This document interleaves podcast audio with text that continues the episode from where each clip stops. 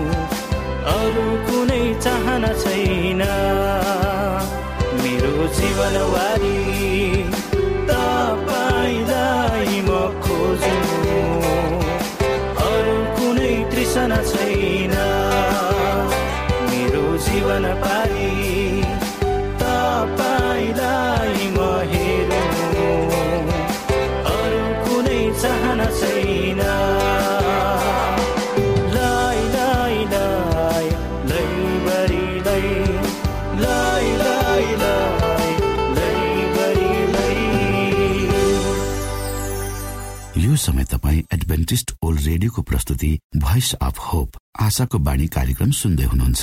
श्रोता मित्र यो समय हामी पास्टर उमेश पोखरेलबाट आजको बाइबल सन्देश सुन्नेछौ। श्रोत साथी न्यानो अभिवादन साथ म तपाईँको आफ्नै आफन्त अर्थात् पास्टर उमेश पोखरेल परमेश्वरको वचन लिएर यो रेडियो कार्यक्रम मार्फत पुनः तपाईँहरूको बीचमा उपस्थित भएको छु। मलाई आशा छ तपाईँले हाम्रा कार्यक्रमहरूलाई नियमित रूपमा सुन्दै हुनुहुन्छ र परमेश्वरका प्रशस्त आशिषहरू प्राप्त गर्दै हुनुहुन्छ।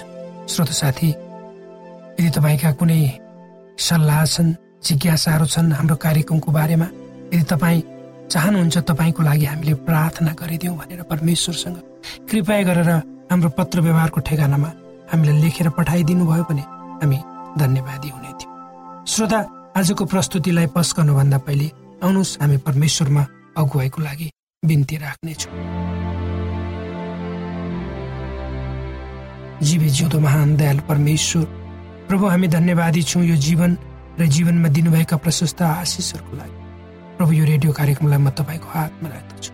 यसलाई तपाईँको राज्य र महिमाको प्रचारको खातिर यो देश र सारा संसार तपाईँले प्रयोग गर्छ। त्यसबाट धेरै आत्माहरू तपाईँको राज्यमा प्रवेश गर्न सक्नु सबै बिन्ती प्रभु यीशुको नाम आमेन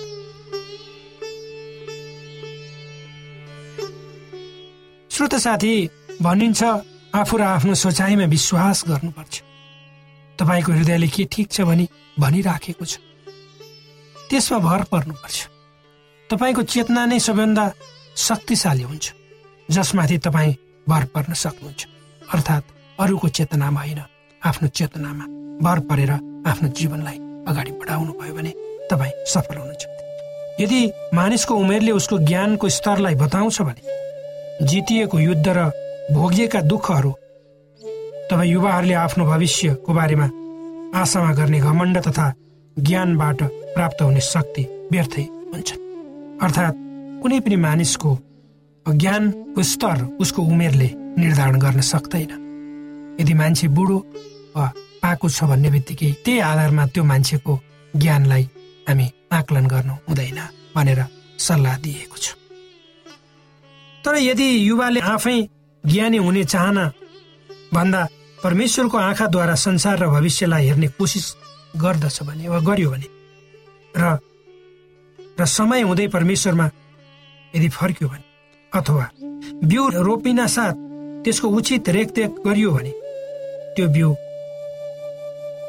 कस्तो हुनेछ भनेर हामी भन्न सक्छौँ। भनिन्छ हुने बिरुवाको चिल्लो पात नहुने बिरुवाको खस्रो पात।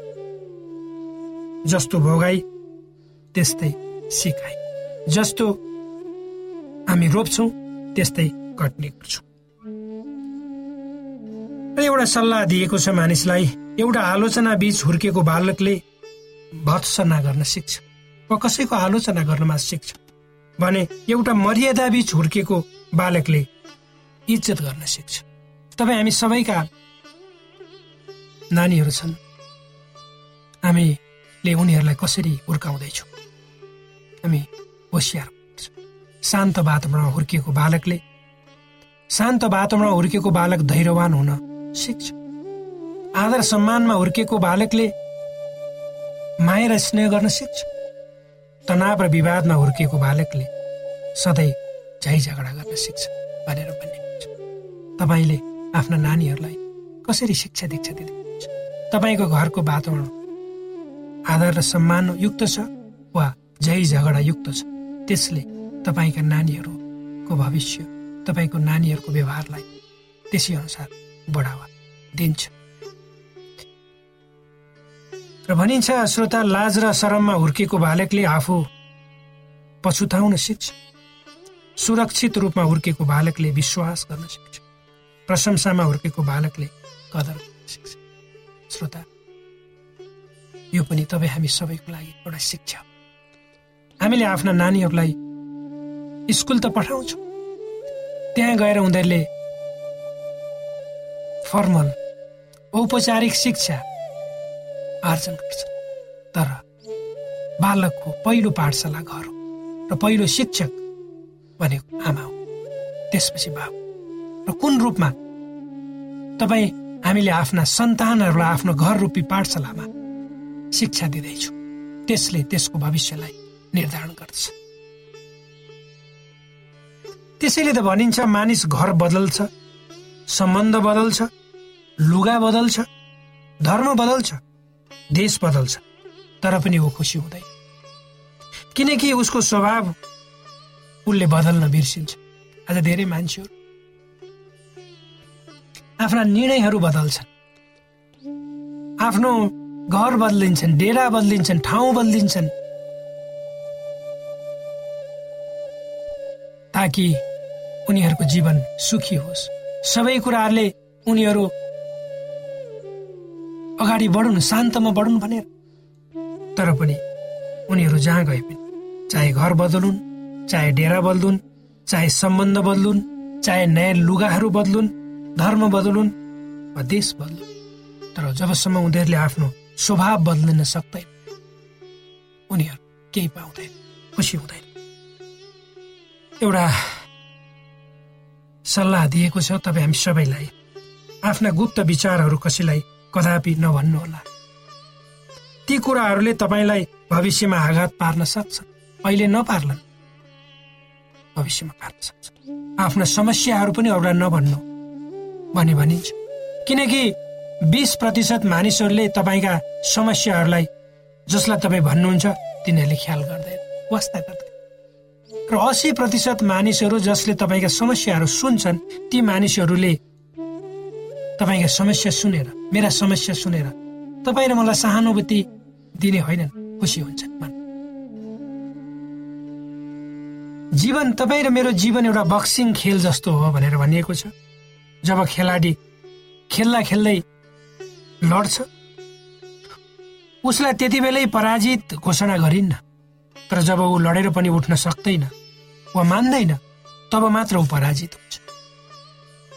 कहिलेकाहीँ गलत वा खराब व्यक्तिहरूले पनि हामीलाई सही पाठहरू सिकाउन सक्छ। सही बाटोमा हिँड्नको लागि अभिप्रेरित गर्न सक्छ। हाम्रो जीवनका प्रत्येक कुराका दुई महत्वहरू हुन्छन् वा तपाईँ र मेरो जीवनका प्रत्येक कुराका महत्व दुई पटक हुन्छन् अरे एउटा कुरा पहिलो त्यसलाई प्राप्त गर्नुभन्दा अगाडि। यदि हामी कुनै कुराको चाहना गर्छौँ श्रोता नयाँ नयाँ कुराहरू जुन कुरो तपाईँ र मसँग छैन ती चाहना गर्नु हाम्रो स्वाभाविकै हो किनभने त्यो हाम्रो मनले चाहना गर्छ प्राप्त गर्ने अभिलाषा राख्नु स्वाभाविक मान्छ। जबसम्म त्यो कुरालाई हामीले प्राप्त गर्दैनौँ त्यसको महत्व हुन्छ।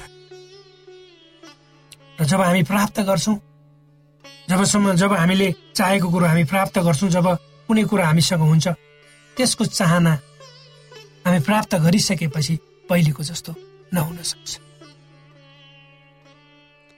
र जब त्यो हामीसँग भएको कुरा हामीले गुमाउँछौँ त्यसपछि पनि त्यसको चाहना हुन्छ त्यसको महत्व हुन्छ। मलाई आशा छ तपाईँ र मैले हामी सबैले यो कुराहरू आफ्नो जीवनमा भोगेका छौँ। र यी कुराहरूले हाम्रो जीवनमा खुसी र सफलता ल्याउन सक्छन् तर यसलाई तपाईँ र मैले कसरी आफ्नो जीवनमा लिन्छौँ कसरी यी कुरालाई तपाईँ र मैले आफ्नो जीवनमा प्रयोग गर्छौँ त्यसमा भर पर्छ। अर्थात् जब सुरुको अवस्थामा तपाईँसँग कुनै कुरा छैन तर तपाईँ र मैले कुनै अवसर प्राप्त गरेका छौँ भने तब त्यसलाई उचित रूपमा सदुपयोग गर्नु भयो भने वा गर्यौँ भने भविष्यमा हामी सफल हुन्छौँ। जब तपाईँसँग सबै कुरा छ तब मात्र त्यसै अनुसार व्यवहार गर्नुहोस्। जब छैन तपाईँ सुरुको अवस्थामा हुनुहुन्छ भने त्यही अनुसार आफूलाई हिँडाउन प्रयत्न गर्नुहोस्। सबै कुराहरूको निम्ति सबै विचारहरूको निम्ति वा सबैका भावनाहरूको निम्ति तपाईँले र मैले संवेदनशील भएर आफ्ना बाटाहरू हामी अगाडि बढ्नुपर्छ। यदि तपाईँ र मैले यदि तपाईँ र म आफ्नो जीवनमा सफल हुन चाहन्छु कसैमाथि विजयी हुन चाहन्छु भने नम्रताले उसलाई हराउनुहोस् वा नम्र बन्नुहोस्। आफू मालिक होइन सेवक बन्ने कोसिस गर्नुहोस् जब तपाईँले आफ्नो अनुहारलाई सूर्यतिर फर्काइरहनु भयो भने अर्थात् तपाईँ र मैले जब आफ्नो अनुहारलाई सूर्यतिर अथवा प्रकाशतिर निरन्तर रूपमा फर्काइराख्छौँ तब हाम्रो जीवनमा अन्धकार वा छाया हामीले कहिले पनि देख्नु पर्दैन। वा भोग्नु पर्दैन। यसको मतलब तपाईँको विचार सदैव निश्चित लक्ष्यतर्फ निर्दिष्ट भएर अगाडि बढेको हुनुपर्छ। वा तपाईँ एउटा विचारमा एउटा सही विचारमा निर्दिष्ट भएर अगाडि बढ्नुपर्छ। र त्यो त्यो विचारमा तपाईँ निर्दिष्ट भएर केन्द्रित भएर अगाडि बढ्नु भएको छ भने त्यही विचारले तपाईँलाई डोर्याउँछ। र तपाईँका जीवनका सम्पूर्ण पक्षहरू तपाईँले पक्षहरूलाई तपाईँले उज्यालोको रूपमा हेर्नुहुन्छ। तपाईँ आशावादी हुनुहुन्छ। तपाईँ सफलतातिर जहिले पनि अगाडि बढ्न खोज्नुहुन्छ। तपाईँको जीवनमा हताश निराशपनहरू हुने छैन। एउटा बहिरो मानिसले भन्छ अरूहरू सबैको अरूहरू सबैको लागि ऊ बहिरो छ तर उसको निम्ति अरूहरू सबै लाटा छन्। किनकि उनले? सुन्दैन। नसुनेपछि उनले सोध्छ अरू मान्छेहरू बोल्दैन। त्यसैले त प्रत्येक व्यक्तिको हेराइमा जीवन फरक फरक छ। हुन्छ। तर आफ्नो जीवनलाई कसरी जिउन चाहनुहुन्छ त्यो तपाईँमा भर पर्छ र त्यसै अनुसार जिउनुहोस्। तपाईँ सफल हुनुहुन्छ। मेरो पछाडि हुने कुराहरूले मलाई कुनै असर पार्दैनन्। यदि कसैले केही भन्नु छ भने वा वा कसैले केही भन्नु छ मेरो गराईको बारेमा वा बोलाइको बारेमा कसैलाई चित्त बुझेको छैन? कृपया गरी मेरो अगाडि नै भन्नुहोस्। पछाडि कुरा काटेर केही फाइदा हुँदैन कसैको हाम्रो समाजमा हामी आफैमा पनि मानिसको गल्ती कमजोरी उसको अगाडि अम्ल्याउने चलन कमै पाइन्छ। अगाडि ठिक्क पारिन्छ तर उसको पछाडि उसलाई थाङ्नामा सुताइने चलन छ। कसैको पनि कुनै पनि सम्बन्धलाई नष्ट गर्ने एउटा मुख्य शत्रु भनेको मानिसमा भएको अहम पन्ने हो। म नै हुँ। म के कम हो भन्दा अरूभन्दा सबैले मलाई मान्नै पर्छ म ठुलो मानिस। जस्ता सेल्फ सेन्ट्रोड थटहरू आत्मकेन्द्रित विचारहरूले मानिसलाई निरन्तर नष्ट गरिरहेको हामीले देखिरहेका छौँ अनुभव गरिरहेका छौँ। त्यसकारण आफ्नो छातीलाई ठुलो बनाएर हामीले फुलाउनु पर्छ र मनलाई सङ्कुचित बनाउनु हुँदै र तपाईँ हाम्रो जीवनलाई आत्मकेन्द्रित नबनाएर हामीले खुल्ला राख्नुपर्छ। ताकि हाम्रो जीवनमा यो मन सानो छ त्यसमा सबै कुराहरू अटाउनु पर्छ संसारका सबै किसिमका विचारहरू सबै किसिमका मान्छेहरू तिनीहरूको दुःख कष्टहरू सुन्न सक्ने धैर्यता तपाईँ ममा हुनुपर्छ। जो मानिस निराश। जो मानिस म नै हुन् भन्ने भावनाद्वारा परिचालित हुन्छ त्यो मानिस हतपत अरूसँग कुरा गर्न चाहँदैन झुक्न चाहँदैन। तर परमेश्वरले हामीलाई अर्कै कुरा भन्नुहुन्छ। यदि तपाईँ ठुलो हुन चाहनुहुन्छ यदि तपाईँ सम्मानित हुन चाहनुहुन्छ भने तपाईँ नम्र बन्नुपर्छ झुक्नुपर्छ। ती मानिसहरू जसले हाम्रो हृदयमा चोट पुर्याएका थिए तिनीहरूलाई हामी क्षमा दिँदैनौँ भने जबसम्म तपाईँ र मैले क्षमा दिँदैनौँ तबसम्म तिनीहरूले हाम्रो दिमागमा भाडा नतिरिकन आफ्नो ठाउँ ओगटिरहेका हुन्छ। काहीँ न काहीँ तपाईँ र मेरो दिमागमा ती मान्छेहरू हुन्छ खालि गोजीहरूले मानिसलाई धेरै कुराहरू सिक्न मद्दत गर्छन् भने भरिएको गोजीले धेरै तवरले मानिसलाई खतम पार्दछ। कहिले अनुभव गर्नुभएको छ? अरूहरूको गल्तीद्वारा आफू रिसाउनु भनेको आफूले आफूलाई सजाय दिनु हो। श्रोत साथी विश्वास भनेको एउटा स्टिकर जस्तो जब उक्त स्टिकरलाई त्यो टाँसिएको पहिलो ठाउँबाट निकालिन्छ यद्यपि त्यो पुनः टाँसिन सक्छ तर पहिलेकै जस्तो दरो किसिमले कदापि टाँसिन्न। त्यसकारण आफ्नो सम्बन्धलाई सधैँ महत्व दिनुहोस्। तपाईँ जो मानिससँग आफ्नो सम्बन्ध छ त्यो सम्बन्धलाई सांसारिक आधारमा रुपियाँ पैसाको आधारमा नाफा नोक्सानको आधारमा तुलना नगर्नुहोस्। जुन सम्बन्ध तपाईँको कुनै मानिससँग आज छ यदि तपाईँले त्यसलाई गुमाउनु भयो भने भोलि त्यसलाई तपाईँले प्राप्त गर्न सक्नु। चाहे जतिसुकै धन सम्पत्ति पद प्रतिष्ठा तपाईँसँग किन नहोस्। भविष्यका प्रत्येक कुराहरू अनिश्चित छन्। वा एउटा कुरा भने निश्चित छ त्यो हो परमेश्वरले तपाईँ र मेरो निम्ति तयार गर्नुभएको भोलि। त्यसकारण आजै उहाँमाथि विश्वास गर्नुहोस्। परमेश्वरले तपाईँलाई अगुवाई गर्नुहुन्छ। श्रोता भर्खरै यहाँले पास्टर उमेश पोखरेलबाट बाइबल वचन सुन्नुभयो। यो समय तपाईँ एडभेन्टिस्ट ओल्ड रेडियोको प्रस्तुति भोइस अफ होप आशाको बाणी कार्यक्रम सुन्दै हुनुहुन्छ। कार्यक्रम सुनेर बस्नुहुने सबै श्रोतालाई हामी हाम्रो कार्यक्रममा स्वागत गर्न चाहन्छौ। श्रोता मित्र यदि तपाईँ जीवनदेखि हरेस खानु भएको छ तपाईँका जीवनमा धेरै अनुत्तरित प्रश्नहरू छन् भने आउनुहोस् हामी तपाईँलाई परमेश्वरको ज्योतिमा डोहोर्याउन चाहन्छौँ। र तपाईँ आफ्नो जीवनका चिन्ता फिक्रीबाट निश्चिन्त हुनुहोस् र बाँच्नुको आनन्द परमेश्वरको सामिप्यमा कति मिठो हुन्छ त्यो चाख्नुहोस् भनी हामी चाहन्छौँ। श्रोता यदि तपाईँ आशाको बाणी कार्यक्रमलाई अनलाइन सुन्न चाहनुहुन्छ वा डाउनलोड गर्न चाहनुहुन्छ भने W W W dot AWR dot ओआरजीमा जानुहोस्। त्यहाँ तपाईँले प्रत्येक दिनको कार्यक्रम सुन्न र डाउनलोड गर्न सक्नुहुनेछ। हाम्रो वेब पेज यस प्रकार छ W W W dot AWR dot ORG श्रोता यदि तपाईँ हामीसित सिधै फोनमा सम्पर्क गर्न चाहनुहुन्छ भने हाम्रा नम्बरहरू यस प्रकार छन्। अन्ठानब्बे एकसाठी पचपन्न शून्य एक सय बिस अन्ठानब्बे एकसाठी पचपन्न शून्य एक सय बिस र अर्को अन्ठानब्बे अठार त्रिपन्न पन्चानब्बे पचपन्न. अन्ठानब्बे अठार त्रिपन्न पन्चानब्बे पचपन्न. कोभिड नाइन्टिनका सम्पूर्ण खोप वा भ्याक्सिनको सफल परीक्षण गरिएको छ। यी भ्याक्सिन लिनाले हामी गम्भीर बिरामी हुनबाट जोगिन सक्छौ। त्यसैले तपाईँ पनि यो खोप लिनुहोस्। यदि तपाईँलाई पहिले नै कोभिड पोजिटिभ देखिसकिएको छ भने तपाईँ यो खोप चाँडै नै लिनुहोस्। यसो गर्नाले हामी र हाम्रो समुदायमा रोग प्रतिरोधक शक्ति चाँडै नै आउनेछ र हामी सबैजना पहिले जस्तै सामान्य जीवनमा फर्कन सक्दछौ। युनेस्को डब्लुएचओ र रेडियो कार्यक्रम आशाको बाणीबाट जनहितमा जारी सन्देश।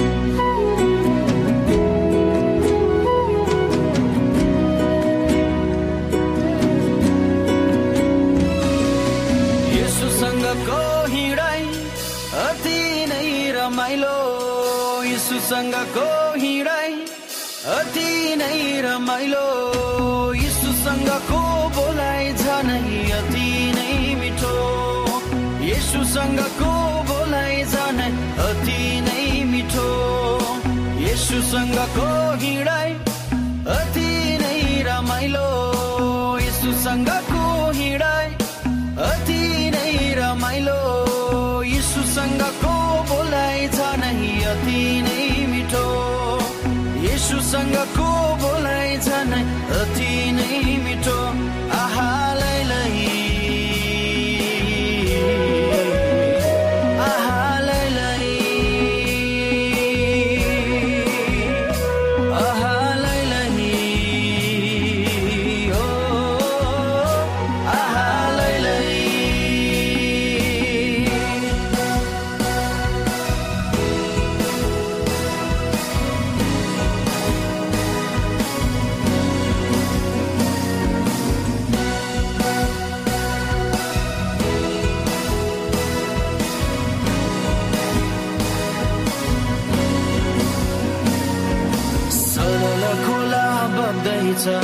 यसुमा मात्रै जीवन छ सरल खोला बग्दैछ यसुमा मात्रै जीवन साँच्चै हो।